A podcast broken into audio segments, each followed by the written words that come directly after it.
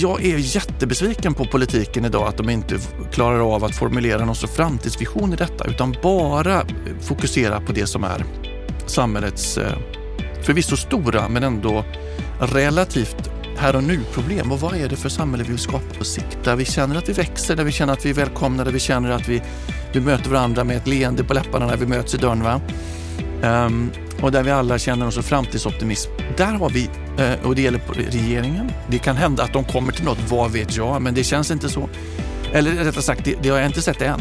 Och uh, att uh, det politiska samtalet i stort behöver mycket mer måla upp en, en positiv framtidsvision. Och inte bara säga att här är problem och här är problem. Vi behöver en ljus vision för samhällsbyggande. Vi behöver bli mer innovativa och för att kunna bli det så behöver både ingenjörer och arkitekter komma in betydligt tidigare i processen. Möt Magnus Höj på Innovationsföretagen som menar att olika perspektiv inte inkluderas tillräckligt i vare sig stadsplanering eller investeringar i dagens samhälle. Vad han vill se för framtid, ja, det får du höra i dagens samtal som kommer att kommenteras av vår expertkommentator Lennart Weiss. Varmt välkommen till ett nytt år, till 2022 med oss på Bopolpodden och med mig Anna Bellman. Jättetacksam och glad över att du lyssnar på oss. I år så vill vi fortsätta att fördjupa samtalen, gräva lite djupare, förstå lite mer när det gäller hur vi bygger vårt samhälle. Nu ska vi få träffa Magnus Höj.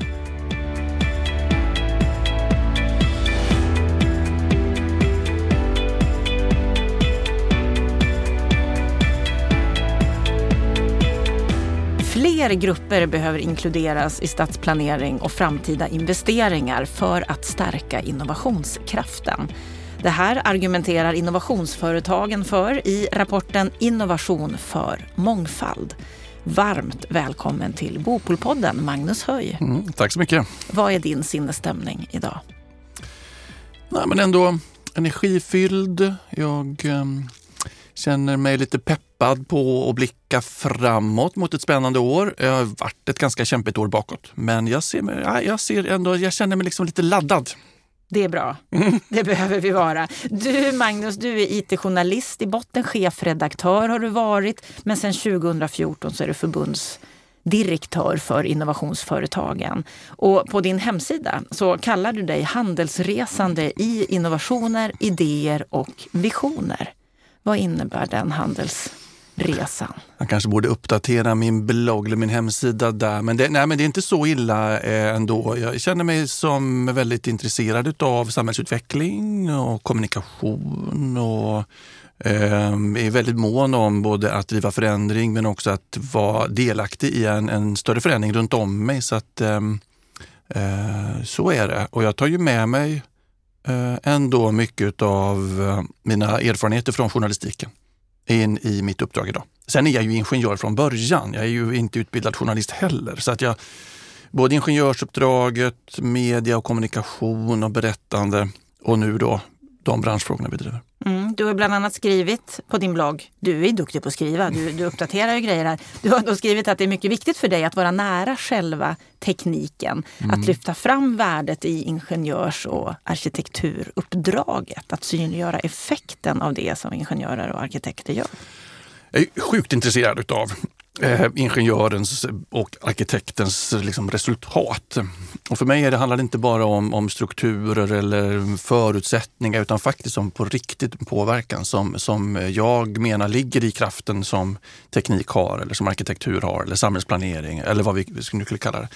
Så det, ja, för mig är det, eh, det hela det, min drivkraft kommer från att se saker och ting hända på riktigt, inte bara liksom, eh, snygga resonemang eller, eller policyförslag eller, eller skapa förutsättningar utan det faktiskt skapar nytta på riktigt. Och förändring. Men hur stor är den kraften? Eh, i samhället. Som eh, ingenjörer och arkitekter har? Ja, jättestor ju. Potentialen är enorm. Det finns ju en, en teknikutveckling och en, en, kraft som ingenjören och experten har kanske som är jättestor. Eh, sen är det ju mycket som håller emot och jag ska också erkänna att jag jag har all respekt också för att kulturer är viktigt och kultur i sig är viktigt och, och Um, ekonomi är viktigt. Så det finns många bottnar. Va? Så teknik är inte det enda. Det vore förfärligt om hela världen bestod av civilingenjörer. Det hade inte varit en vacker värld. Men, eh, men jag menar att det finns ju, eh, och, och man knyter ihop det ändå med, med experterna och, och de som verkligen förstår samband och så, då, då, är det en otrolig kraft i att, att komma längre. De, det som hindrar oss egentligen är ju dels missuppfattningar, folk som driver fördomar och allt möjligt sånt, men också gör saker förenklade när de faktiskt är komplicerade. Ja, det kan vi prata jättelänge om, men, men det finns någonting väldigt kraftfullt i, i, i vetenskapen och ingenjörens uppdrag som, som jag tror vi har eh, bara börjat se värdet i. Vad vill du bidra med till samhällsbyggandet? Ja, det är en bra fråga, men jag, jag tror att jag skulle vilja eh, öka respekten ändå för, för de här komplexa sambanden och att människor, eh, vi behöver förstå att saker och ting faktiskt på riktigt är komplicerade. Vi lever i en ganska komplicerad värld, eller ja, komplicerad värld, eller komplex värld. Många saker som hänger samman. Teknikutvecklingen med, och, och mycket annat gör att världen och globaliseringen, det är saker som är väldigt eh, ibland svåra att förutse eller förstå helheten i. Och att vi får respekt och förståelse för att det är så och att vi måste luta, och lita, på, luta oss mot och lita på eh, kunnigt folk. Eh, där tror jag att jag har en, en roll att spela, att, att försöka för, få folk att förstå utan att göra det på något sätt att eh, sluta bry tycker inte, liksom, utan försöka göra det liksom tillgängligt för folk ändå. Att de ser glädjen i och värdet i, i teknisk utveckling och att vi, vi har duktigt folk som kan hjälpa oss i att planera samhällen eller designa tekniska lösningar eller så. Det, det, där här tror jag att jag har en roll att spela. Jag kan bidra med det, tror jag. Lyckas du med det på innovationsföretagen genom den rollen som förbundsdirektör där? Ja, men det får väl andra bedöma. Men jag är inte så... Um, jag, jag tror att jag har en, en bra plattform idag. Jag känner att jag har ett bra gäng som jobbar med mig. Jag tycker också att jag har en fantastisk styrelse att samspela med som ger mig uppdrag. Och jag tycker att um, jag så jag har tagit mig friheter då som du nämnde att blogga och, ha sådana här samtal själv som du kör nu med, med, med, spännande människor. Så jag tycker att jag drar nytta av min, min förmåga på olika sätt. Men det är klart att sen så alla jobb är också inslag av lite tråkiga saker som man inte trivs med. Men, ja, ja, men jag tycker att jag, jag kommit till mig rätt. Du har ju snart varit åtta år. Sju. Eller Sju år, åtta, snart åtta. Ja, ja, 2014 ja. kom, kom du till innovationsföretagen. Jag tänker det är inte alla som vet vad innovationsföretagen är. Nej. Vad det är, det ju en bransch och arbetsgivarorganisation. Hette förut, förut var vi en, en, en, bara, bara, eller det var också en viktig branschförening som var mer för branschfrågorna. Men nu har vi sedan några år tillbaks eh, sagt att vi vill vara ett, ett riktigt arbetsgivarförbund också.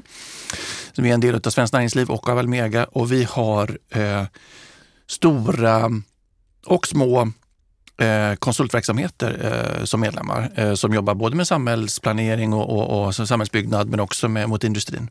Så arkitekterna är medlemmar hos oss. Eh, alla stora och medelstora arkitektföretag så gott som och alla de stora teknikkonsultföretagen. Eh, ja, mm. det, 790, 790 medlemmar. Mm. Drygt 40 000 anställda mm. finns i de här mm. medlemsföretagen. Det är en ganska stor apparat. Det är en stor apparat. Det är jätte, och vi har god uppslutning. Vi känner att de flesta, det finns medlemmar som, som borde ansluta sig ytterligare men, eh, men de flesta stora, eller alla stora, är ju med på, på något sätt. Så vi känner att vi representerar sektorn väl också. Vi har eh, en god täckning på det sättet. Så det, nej, det är en fantastisk förmån att få jobba här eh, och, och komma nära både byggprocesser och eh, infrastrukturfrågor men också industrins utveckling på olika sätt. Så att, eh, det, det, är en, en, stor förmån faktiskt. Sen är ju arbetsgivarfrågorna en, en ganska viktig leverans för, för oss. Det är inte mitt expertområde. Där är, det är min, en av mina svaga eller akilleshälar. Man kan inte vara stark på allt. Nej, det är därför nej. du har andra människor omkring dig. Tänker Exakt. Jag. Ja. Du, ni har ju gett ut ett antal rapporter, mm. Innovation för mm. olika ämnen. Och nyligen så lanserade ni rapporten Innovation för mångfald som just ska lyfta värdet av innovation när det gäller innovation för just mångfaldsfrågorna. Tidigare så har ni lyft klimatet, mobilitet och byggande. Mm. Varför är det så viktigt att lyfta innovation för mångfald? Ja, men kan man börja med ändå att svara på frågan varför innovation för? Den här rapportserien så är det en, en vill, eh, vi vill gärna, vi bytte namn då, som jag nämnde. STD heter det innan och nu är det innovationsföretagen och, och en och annan kan undra eh, ja, hur hänger det ihop med våra medlemsföretag? Men då har vi sagt att vi, jag vill gärna när vi berättar om vårt förbund och våra medlemmar visa på värdet vi skapar. Vad är det man åstadkommer? Så att säga. Inte bara hur vi jobbar, att vi är konsulter eller att vi råkar ha mycket arkitekter och ingenjörer utan vi faktiskt också bidrar till förändring, kreativitet, nyskapande. Och då, då har vi försökt med den här rapportserien att knyta våra företags förmågor till, det, till den liksom uppgift eller det, det, resultat man kan åstadkomma. Och mångfald är ett av de sakerna. Mångfald är en, en av många saker man kan åstadkomma tror jag med, med eh, hjälp av arkitekter och ingenjörer och, och våra medlemsföretag. Så att eh, på det sättet så, så, är det för att synliggöra de möjligheter man får om man använder klokt arkitekt och ingenjörsföretag. Och det görs för lite idag menar du? Ja, eh, jo, men det kan man nog säga. Eh, sen är det klart att vi, vi vill, eh, det finns också en del bra som sker och vi vill väl med den här rapporten bara visa upp det som, det som sker och, och se till att man förstår att det är våra företag, eller vi bidrar i den processen. Det, det är min, min nog, ja, jag ska inte vara för, för alltför fyrkantig här, men ju, det är klart att våra företag kan synas bättre. Och ibland så är det tidiga skeden, det är långt innan projekten kommer igång. Och vi vill ju visa att våra företag och det arbete som sker väldigt tidigt i ett projekt har stor, jättestor effekt på slutet. Så det, det, är inte bara det att det är för lite utan det är också det att det osynliggörs lite, de här tidiga skedena. Men det görs också för lite, det är också sant. Så att jag vill gärna... Eh, och, och, och, det kan man också säga att vårt samhälle ser annorlunda ut idag än det gjorde för 100 år sedan eller 50 år sedan eller bara 10 år sedan. Så därvidlag så är ju frågan om mångfald också mycket mer aktuell och viktig idag än den var kanske eh, ja, en generation tillbaks. Va? Då behöv mångfaldsfrågan var kanske egentligen viktig men den formuleras inte alls på samma sätt. Så det, den frågan är också det är inte så konstigt att vi har samhällen som idag som kanske ibland inte är byggda på ett inkluderande sätt. Hur stort är problemet? Nej, men för mig handlar det ju rätt mycket om en, en eh, demokratifråga. Att alla måste känna sig sedda, alla måste få möjlighet att vara med i vårt samhälle och, och vår stadsplanering eller vårt byggande, inte allt, men, men väldigt mycket av det vi, vi pratar om i, i den här typen av poddar är ju för alla människor. Det är inte bara för några få.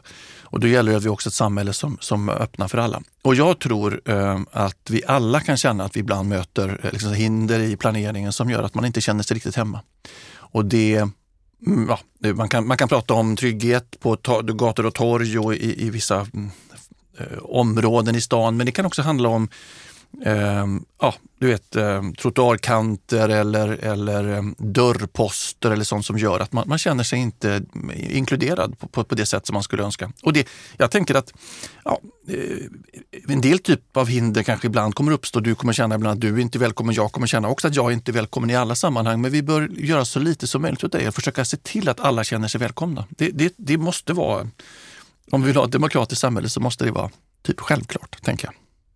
Ni menar ju bland annat då, precis som det du säger här, att olika perspektiv inte inkluderas tillräckligt i vare sig stadsplanering eller investeringar i dagens samhälle. Varför investerar vi inte tillräckligt i att inkludera, i att alla ska känna sig välkomna? Ja, men dels finns det ju, och om man vill vara lite mindre kritisk kan man säga att frågorna eh, har växt, vuxit, växt i, i aktualitet. Vi, vi har en både en annan demografi idag men också en, en, en förståelse och en syn på, på medborgarna som är annorlunda. Men sen finns det ju jättemycket traditioner och kulturer och, och eh, jag tror också ibland att vi kanske är överdrivet rationella på ett sätt som gör att... Alltså det här, den här frågan om mångfald handlar ju inte om teknik i första hand utan om synen på människan och, och synen på vilken typ av samhälle vi vill ha. och då är det klart att om, och jag säger inte att det är så här, men oh, tänk tanken att vårt samhälle är byggt ganska mycket på, på ingenjörsmässiga grunder och bara vad som är rationellt, så kanske vi tappar en del av de mänskliga dimensionerna. Och jag, eh, ja, jag antydde jag redan att jag kanske tycker att det är så ibland. Så det, det, där finns det nog någonting som också har, har liksom förändrats och utvecklats och som behöver utvecklas framöver också. Vems är ansvaret för att det ser ut som det gör? Det går alltid att peka på byggherrarna. Det är alltid deras fel. Ehm, jag vill säga med, med glimten i ögat. Det är ju inte alltid sant förstås, men det är klart att det är ett samspel mellan mellan de som beställer och betalar, men också, också vår kunskap och, och förmåga. Vill man hitta och, och, det finns också politiska dimensioner. Det finns också frågor som, som rör liksom samhällsdebatten i stort. Men det, vår poäng är väl kanske här att vi kan behöva Eh, vi kanske inte vet alltid hur vi ska göra. Eh, man vet inte i projekten hur vi ska eh, få till ett, ett, ett bygge eller ett projekt eller en samhällsplanering där verkligen alla känner sig delaktiga. Men då är vår poäng att det finns kunskap att hämta i, i vår sektor och hos våra medlemsförare, både ingenjörer och arkitekter som, som faktiskt kan, kan underlätta den här processen. Ehm, så det är klart att också bara intresset av att fråga eller att vilja ta in detta. Är, och det kan hända att det inte heller behöver bli så mycket dyrare eller så, utan det är bara liksom tillit till. Återigen, vårt samhälle är komplicerat. Det finns många dimensioner att ta hänsyn till. Att smälla upp fyra väggar och sätta på ett tak, det är ganska enkelt. Men att skapa ett samhälle eller en stad eller ett hus som faktiskt alla eh, känner sig välkomna i, det är en helt annan sak. Men där finns det kunskap och förmåga och det, den vill vi gärna bidra som med. Som vi kanske då inte utnyttjar fullt ut eller inte så mycket som vi skulle behöva göra. Verkligen inte. Ni skriver en del intressant fakta i mm. er rapport tycker jag. Bland annat det här när det gäller individer med funktionsvariation som du har bland annat nämnt här att enligt SCB så har 3,4 procent av Sveriges befolkning en rörelse eller motorikvariation som begränsar deras möjligheter att förflytta sig och leva ett självständigt liv. Men trots det så består Sveriges bostadsbestånd endast till 5% av specialbostäder som inkluderar både bostäder till funktionsvarierade, studentbostäder, äldreboenden. Mm. Är det en för liten andel? Ja, det, det låter väl eh, sannolikt. Um, det är nog inget um Ah, vi, vi driver ingen politisk tes här eh, av karaktären social housing eller, eller någon sorts agenda här utan det Eh, men så att det, i din fråga ligger väl svaret, tänker jag. Det, det, låter inte bra. Det låter som att vi borde kunna göra mer. Eh, men jag tror att vi... Ehm, eh, så vi får det samhälle vi, vi, vi, vi, vi, vi, vi frågar efter. Och där är nog, siffrorna får väl tala för sig själva. Nej, men jag, nej, det är klart att det inte är bra. Men jag tänker att vi, um, vi har inte i detta någon sorts vår sektor vill gärna vara med och bidra till ett, mångfald, ett samhälle med mycket mångfald, men, men eh, vi kan inte göra det själva. eller så. Vi, vi, vi, vi vill bara visa upp den, den kraft och den förmåga vi har. Eh, så att, eh, ja, det är lite famlande svar på frågan, men, men, jo, men svaret är väl såklart ja, att vi borde kunna bättre än så.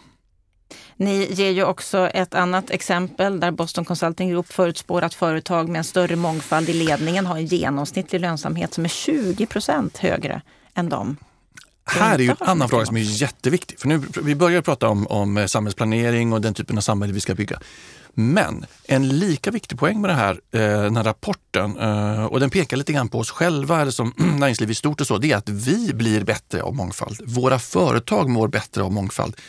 Vi blir mer kreativa. Vi blir också mer lönsamma om vi, om vi inkluderar fler perspektiv i vårt arbete.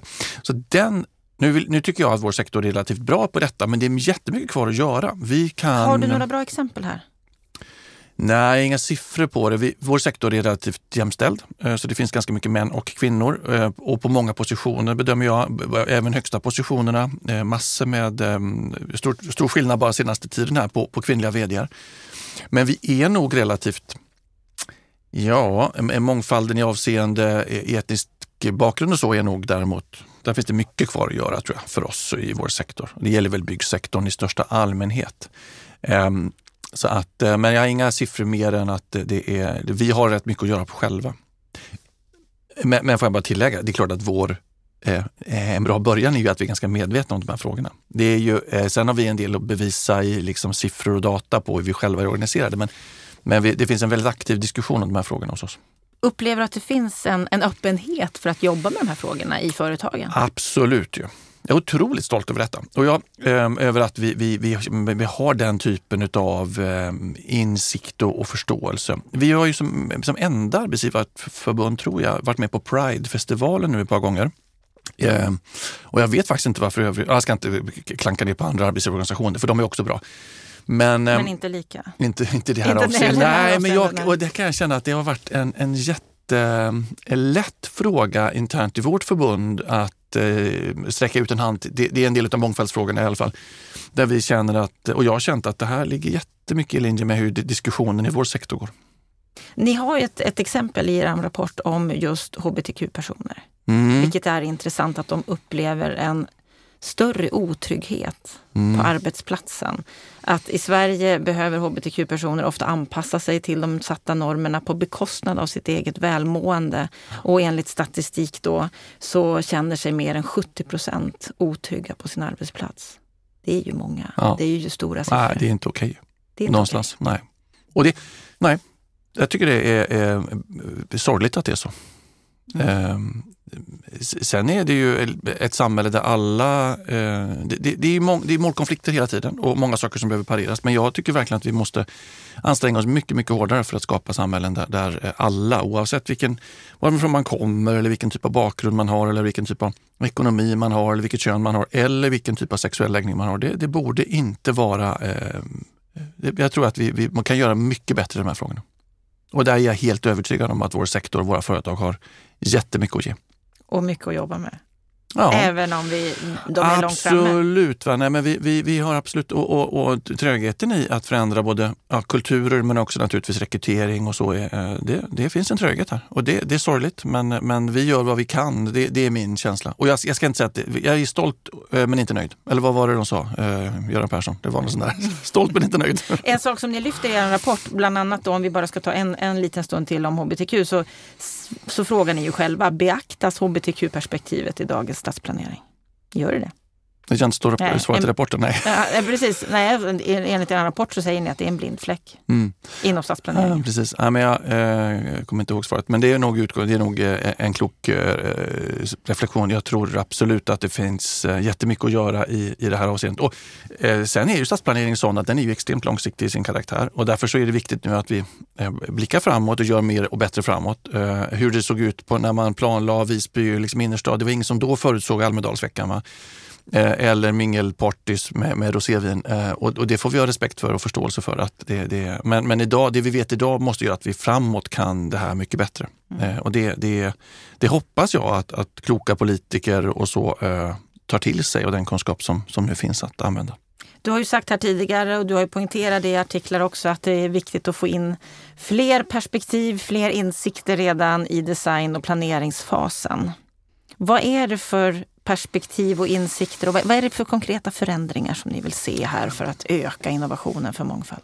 Nej, men en av sakerna som väl också nämns i rapporten är ju, är ju dialogen med, med, med, med eller boende och, och, och um, olika stakeholders och liksom aktiva i de här projekten man ska jobba med så att vi inte får en, en, en expert som säger att så här ska det vara utan faktiskt öppna upp för en dialog. Och det, det har ju pratats länge om inom arkitekturen att man ska eh, ha mer medborgardialog och så. Och det tror jag är en, en jätteviktig nyckel. Sen är ju också vår förmåga att förstå data eller förstå utveckling. Det, vi handlar, det också tror jag nämns i rapporten. Det handlar inte bara om de som finns i, på plats idag på en, en ort, utan vilka vill vi få dit? Och förståelse för att vi, vi kanske vill, vill skapa en förändring som ser annorlunda ut.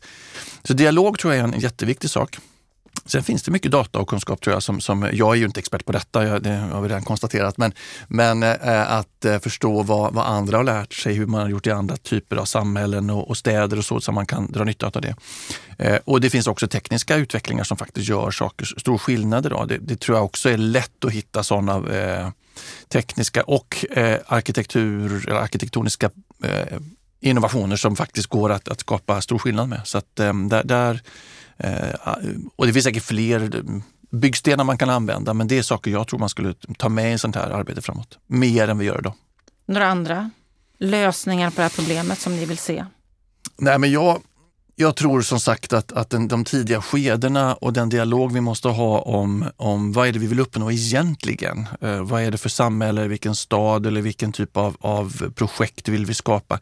Den måste få ta lite mer tid kanske, så att vi inte för snabbt bara säger att vi ska bygga mer eller så, utan faktiskt fundera på vad är det för samhälle så vi ska, vi ska skapa. Där, ehm, Eh, och det är ju det är någon sorts liksom tidig analysfas. Sen måste vi ha den här liksom dialogen och, och, och eh, inkluderingen på olika sätt. Och, och, och, kanske också aktivt söka efter, efter nya verktyg att jobba med.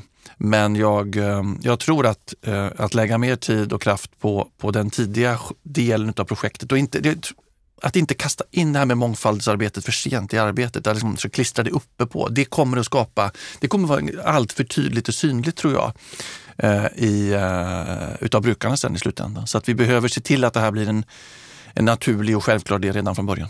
Kommer vi komma dit tror du? Där, där det blir naturligt? Ja, men nu med den här podden eh, så kommer vi naturligtvis kunna förändra världen i ett slag. Nej, men det är klart att eh, det tar tid. Men, eh, men jag tycker ändå att vi, vi är modiga i Sverige i många avseenden där vi har en, eh, en ganska klok dialog om detta. Sen går utvecklingen i vissa avseenden åt andra hållet och vi ser ut i Europa på en hel del länder där där um, frågor om mångfald och så ju inte alls går framåt utan tvärtom. Det oroar mig. Uh, det finns sådana tendenser ibland i Sverige också. Uh, så det ena är samhällsutvecklingen, men det finns också en oro över, över vad ska man säga, tempot i byggandet och det ska bråttom och det ska vara fort klart och, och, och det ska pressas tillbaks, liksom giriga. Alltså att det finns en, en, en, ehm, en, eh, en eh, en brådska som gör att vi inte hinner med det här ordentliga liksom grundarbetet. Och ändå det, tycker många att det går alldeles för långsamt, att det är alldeles för långa processer, mm. att ja. planeringsarbetet tar för lång tid. Ja, jag har noterat att det finns en del som tycker det. Jag är dock eh, av den uppfattningen att det finns jättemycket som kan bli bättre i byggprocessen. Det, det, det vet vi.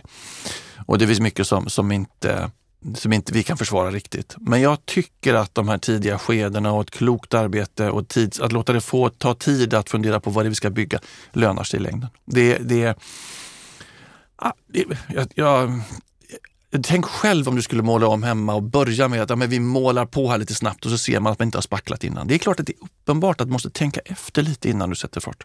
Och det gäller samhället också. Och ännu mer. Vi kan ju skapa så mycket kommande utmaningar om vi bara skyndar på här i, i liksom någon sorts men hur ska vi göra då? För att om, om, om, vi inte bara ser det här ur ett mångfaldsperspektiv utan nu är du ju inne mm. på alla delar mm. som bygger vårt samhälle. Att vi mm. behöver vara innovativa inom, inom så många olika delar. Hur ska vi göra för att bli mer innovativa oavsett vad vi har för roll i samhällsbyggandet?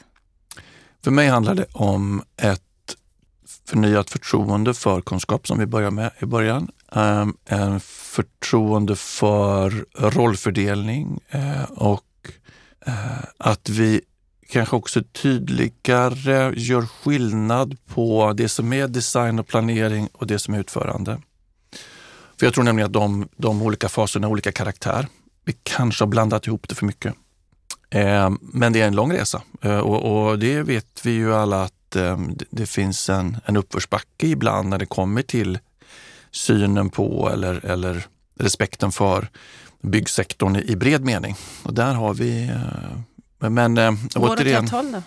Ja, det är faktiskt en bra fråga. Jag är inte... Jo, men jag, man måste ju tro det. Eh, men, men jag, jag tror vi har många resor kvar och många fortsatta samtal med politiker. Vi har också kanske ett, ett gemensamt arbete av också att att göra bättre ifrån oss faktiskt. Alltså alla aktörer behöver nog göra sitt arbete bättre. Men, men jag, jag kan ärligt känna att det, det som gäller de här tidiga skedena, där förutsättningarna har inte varit hundraprocentiga för, för våra medlemsföretag alltid att kunna göra det. Det är liksom goda och innovativa och kreativa och inkluderande arbete. Du som, menar att det hänger inte på dem, det hänger på beställarna? Det finns nog, jag ska inte säga att vi, vi, vi har säkert mer att göra själva, men, men när jag tittar på, på den, de möjligheter som vi kan erbjuda till att skapa bättre samhällen inklusive mångfald, så, så känner jag mig otroligt trygg och stolt över att vi, vi har mycket mer att ge.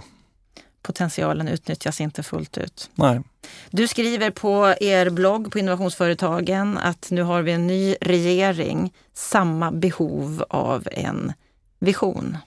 Låter inte där som att du är särskilt hoppfullt? Du skriver bland annat att viktigast av allt är nog behovet av optimism och framtidstro. Ja, har nu, inte den nya regeringen det?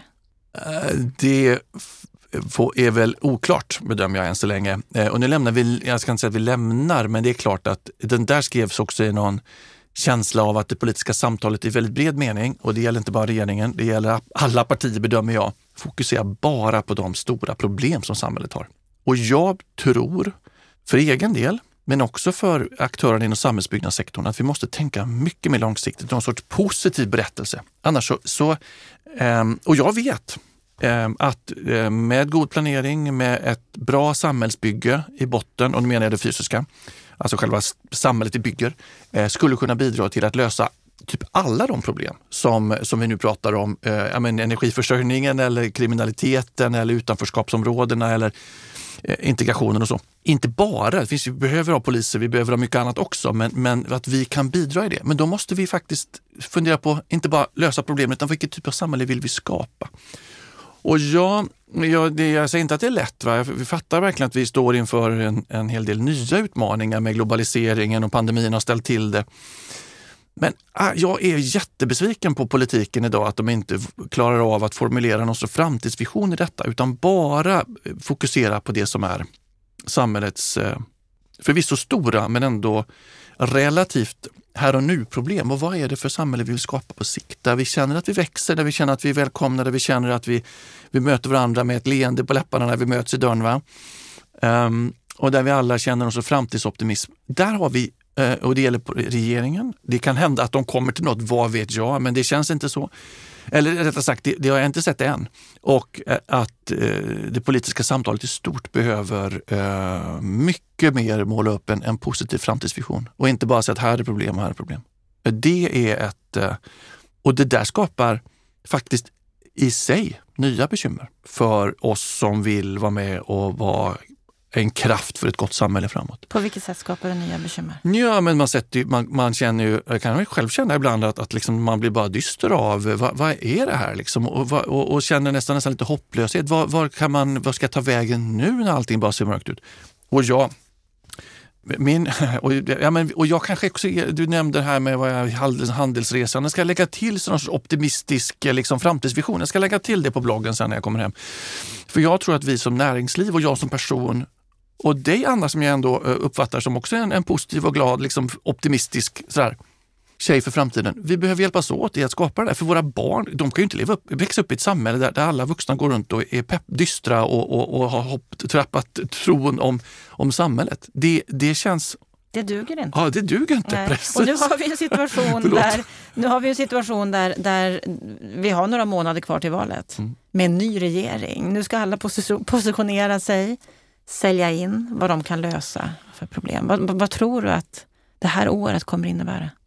Ja, jag, jag tror kanske att det ändå präglas av de problem som vi alla eh, känner väl till och som är riktiga problem, alltså kring kriminaliteten eller kring integrationsutmaningen och, och energiförsörjningen. Det tror jag är eh, sannolikt.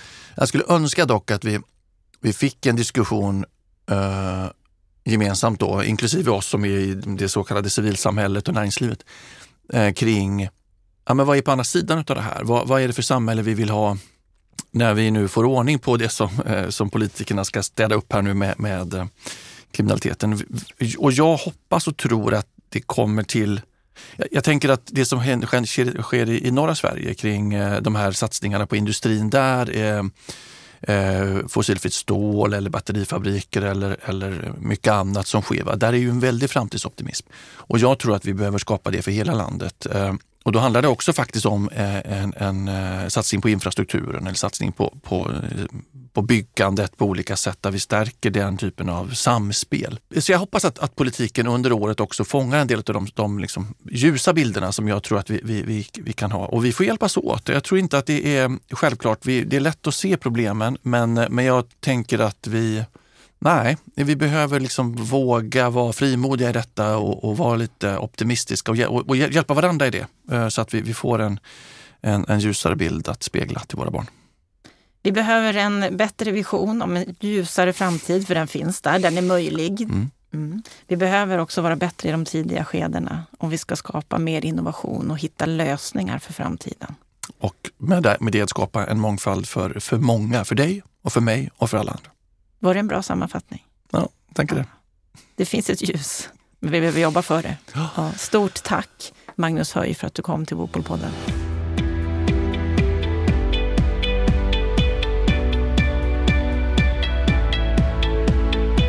Då har vi hört samtalet med Magnus Höj om vikten av att se en ljus vision när det gäller samhällsbyggande, att inkludera arkitekter tidigare i processen. Lennart Weiss, vad, vad säger du om det här samtalet? Ja, alltså ehm, Magnus pekar ju på en problematik som finns som ett grundackord i den här diskussionen har gjort det ganska länge, det vill säga makt och rollfördelningen mellan olika parter.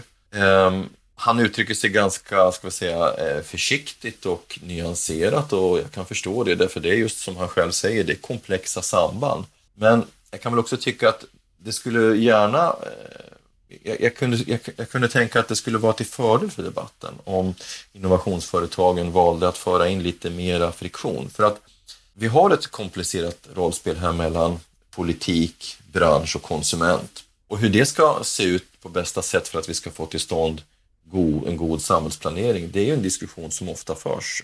Ofta, oftast med infallsvinkeln att konsumentperspektivet borde bli starkare. Eh, Magnus för ju in det här mera på expertperspektivet, det vill säga att eh, ingenjörens, arkitektens kompetens behöver tillvaratas bättre. Då är vi inne i ett annat rollspel, nämligen rollspelet mellan branschaktörerna eh, som jag själv brukar lyfta fram som både intressant och delvis problematiskt. För där har du byggherren, där har du byggföretaget och där har du arkitekten. Och jämför man mellan de tre skandinaviska länderna där Veidekke är aktivt så kan jag konstatera att det finns skillnader mellan de här tre länderna. Där det är uppenbart att arkitekten har ett större inflytande över processen i Danmark. Eh, ett avgjort mycket mindre inflytande i Norge där jag upplever att byggarna, alltså entreprenörerna, har ett starkare inflytande över processen. Kostnader och effektivitet har en stark framträdande roll i planeringen där. Och i Sverige har vi någon sorts mellanting, det vill säga byggherrarna har ett starkare inflytande. Personligen kan jag tycka att mellan, i jämförelse mellan de här tre länderna så tycker jag att Sverige har hittat den bästa balanspunkten. Därför att det danska exemplet visar att om arkitekterna har för stort inflytande så, så, så leder det ofta till kostnadsdrivande lösningar. Och eh, i, i Norge så tycker jag att det får negativa konsekvenser för arkitektur. Men observera, då pratar jag nu om husen. Det Magnus för in det är ju stadsplaneringen, samhällsplaneringen som är ännu mer komplex och då, får vi, då har vi med politiken och, och, och och de kommunala instanserna, delvis också de statliga som en aktör. Och där vet vi ju att, eh, som du själv påpekade, det finns en utbredd kritik mot att processerna tar för lång tid. Magnus vill att de tidiga skedena ska ges mer tid. Det är ingen okontroversiell ståndpunkt. Så att jag skulle nog säga att om, om innovationsföretagen ska spela roll i den här debatten, då behöver man ge sig in i de här komplexa sambanden. Man måste våga utmana olika parter och man måste kunna konkretisera bättre hur, vilka förbättringar som ett större inflytande för arkitekterna och innovationsföretagen skulle kunna få. Det, det tycker jag inte att samtalet gav svar på. Ser du att det finns några fördelar eller vinster med att ingenjörer, arkitekter kommer in i tidigare skeden när det gäller samhällsbyggandet?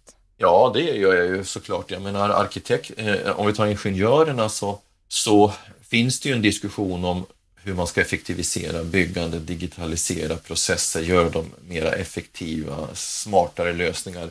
Där har vi ett stort behov av mera ingenjörskunnande i hela värdekedjan. Men då måste man diskutera hur detta kunnande just ska kunna få genomslag i hela värdekedjan. Jag menar om du tar digitaliseringen som vi pratar om idag så, så, så hör jag ju alltid påståenden om hur efterbliven branschen är. Men jag skulle nog säga att byggbranschen i vissa avseenden är mer digitaliserade än andra aktörer i den här värdekedjan. Eh, arkitekterna, absolut en viktig roll därför att de har ett, ett kunnande inom flera fält som andra yrkesgrupper saknar.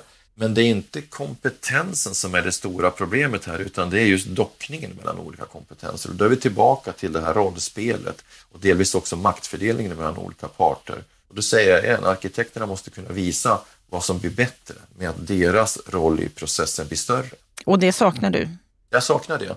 Och, och det finns en liten problematik som jag har påpekat vid några tillfällen och fått stöd av Stellan Lundström Eh, och, och det, ju, det, rör ju arkitekternas idag väldigt svaga kunnande inom området projektkalkylering, ekonomi. Jag har ju själv testat det där några gånger och ställt frågan till arkitekter, okej, okay, hur mycket kapital hur mycket kapital behöver vi få fram för att klara finansieringen utav, säg 100 000 eller 300 000 bostäder? Och jag kunde konstatera att eh, det vart ju liksom, det har ju, vid de tillfällena så blir arkitekterna alldeles blanka i ögonen. Och de tar fel både på en och två nollor. De har alltså inte kunskap om de här helt fundamentala sambanden som byggherrar och, bygg, och byggare eh, jobbar med varje dag. Det vill säga vad kostar saker och ting? Hur mycket finansiering krävs det? Hur ska riskerna hanteras? Så att ska man spela en större roll, då måste man faktiskt också öka sitt kunnande inom den här sortens kritiska områden som, eh, de avgörande besluten fattas inom. Innovationsföretagen de gör ju en rad rapporter. Den senaste var ju Innovation för mångfald som jag och Magnus samtalade en hel del om. Och de kommer ju förmodligen att komma med ännu fler rapporter. Och om jag ska tolka dig rätt Lennart så önskar du att kommande rapporter, där ska de våga vara lite mer spetsiga. Inte lika ja. snälla. Ja, det tycker jag. Jag tycker de ska våga utmana mera och belysa eh, svagheterna i Eh, i, i det rollspel som vi har idag. Pekar på svagheter hos olika aktörer. Alltså, det vill säga, vad är det för uppenbara brister man ser hos kommunerna, hos lagstiftaren när det gäller eh, översiktsplanering, detaljplanering, eh, markpolitik etc. Man behöver utmana branschen. Då menar jag både bygghörare och byggföretagen, vad, på vilket sätt de stänger ut arkitekterna på ett olyckligt sätt. Men framförallt så skulle jag säga så skulle de behöva vara mera offensiva i sitt erbjudande. Vad är det för problem de vill vara lösningen på? Och hur ska den problemlösningen se ut? Annars kan det bli lite gulligt, det kan bli lite policy making utan någon eh, större som, som inte kommer få någon större betydelse. Så jag tycker absolut att de måste våga både utmana mer men också tydliggöra vad det är de konkret kan bidra med om de bara fått större utrymme. Mm. Då ger vi det medskicket till Magnus Höjok, till innovationsföretagen och till alla andra aktörer där ute. För nu är vi igång. 2022 har börjat. Vi kommer att köra Bopolpodden, två program i veckan. Detta fördjupade samtal på måndagar, veckans Aktuellt på fredagar. Då vi vill vara en del, lyfta vad som sker och händer i debatten. Stort tack för att du är med och lyssnar. Gå gärna in på bostadspolitik.se om du vill förkovra dig mer. Där samlar vi rapporter, artiklar, det senaste som har hänt inom bostads och fastighetssektorn. Med detta så önskar vi dig en trevlig vecka och så hörs vi på fredag. Då är det dags för första veckans Aktuellt.